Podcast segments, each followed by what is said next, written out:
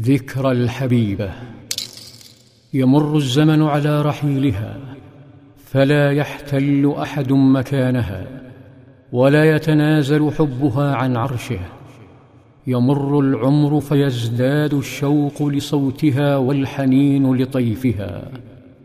تمر الأيام فتطرق الباب عجوز غريبة لم يعرفها أحد من أهل الدار.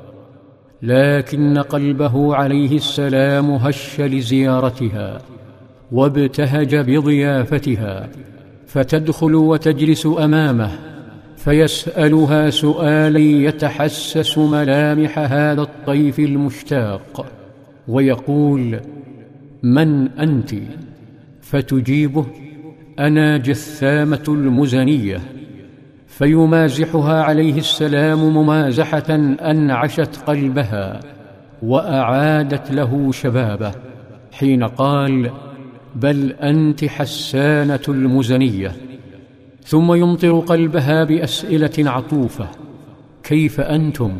كيف حالكم؟ كيف كنتم بعدنا؟ فتتلألأ عيناها فرحا بهذه العذوبة. وتفديه بأغلى من مر عليها وتقول بخير بأبي أنت وأمي يا رسول الله. تأخذهما الذكريات حتى قاطعتهما ربة البيت بطعام. فيضعه عليه السلام بين يدي العجوز ويتلطف بحركة تفيض ذوقا ورحمة. يمد يديه للطبق ثم يناولها لقمة لقمه وهي تكاد تبكي من هذا الدلال. تكاد تبكي. فنبي العالمين يخدمها وكأنه أبر أبنائها. وتستأذن العجوز للرحيل بعد أن أمضت أحلى لحظات حياتها وأسعد زياراتها. فيودعها عليه الصلاة والسلام.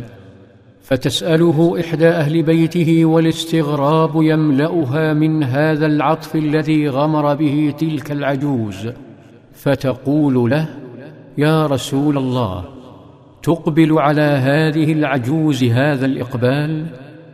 فإذا بوقع خطوات خديجة يرتفع في ممرات قلبه وإذا بطيفها يتهادى بين أضلعه فيقول إنها كانت تأتينا زمن خديجة وإن حسن العهد من الإيمان. يا له من وفاء. وتطرق الباب امرأة أخرى قادمة من عالم الذكريات فيطرب قلبه قبل أن يراها ويأخذه صوتها وأسلوب استئذانها فيقول اللهم هاله. ويفتح الباب فإذا بها أختها هالة بنت خويلد كان صلى الله عليه وسلم وفيا يكثر ذكرها وربما ذبح الشاة ثم يقطعها أعضاء فلا يبقى منها سوى القليل لأنه أرسل تلك الأعضاء هدايا إلى صديقات حبيبته خديجة. فتغار اوفى النساء لخديجة وأكثرهن نقلا لأخبارها. تغار عائشة الوفية. فتعاتب حبيبها وتقول كأنه لم يكن في الدنيا امرأة إلا خديجة. فتعتذر الكلمات بالوفاء. ويقول صلى الله عليه وسلم إنها كانت وكانت. بعد فراقها وفراق عمه يشعر صلى الله عليه وسلم بوحدة وألم فقد تعاظمت جرأة الوثنيين عليه دون رأفة بحاله فيهيم حزينا على قدميه خارج مكة يصعد جبال الطائف لعل وعسى فيستقبل بالتكذيب والحجارة فينثني نازفا. ويعود منطويا على حزن أثقل من تلك الجبال ويجلس على قارعة الطريق غارقا بالهموم.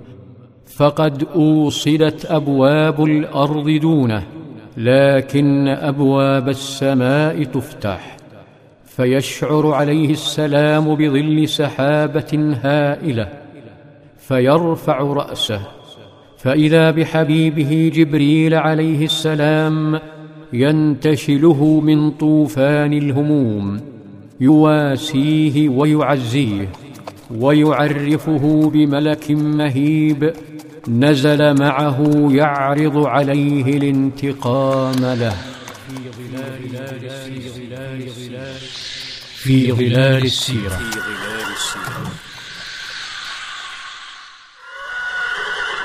عشرون ألف هدية دعوية يتم توزيعها عبر مكتب الدعوة بالروضة.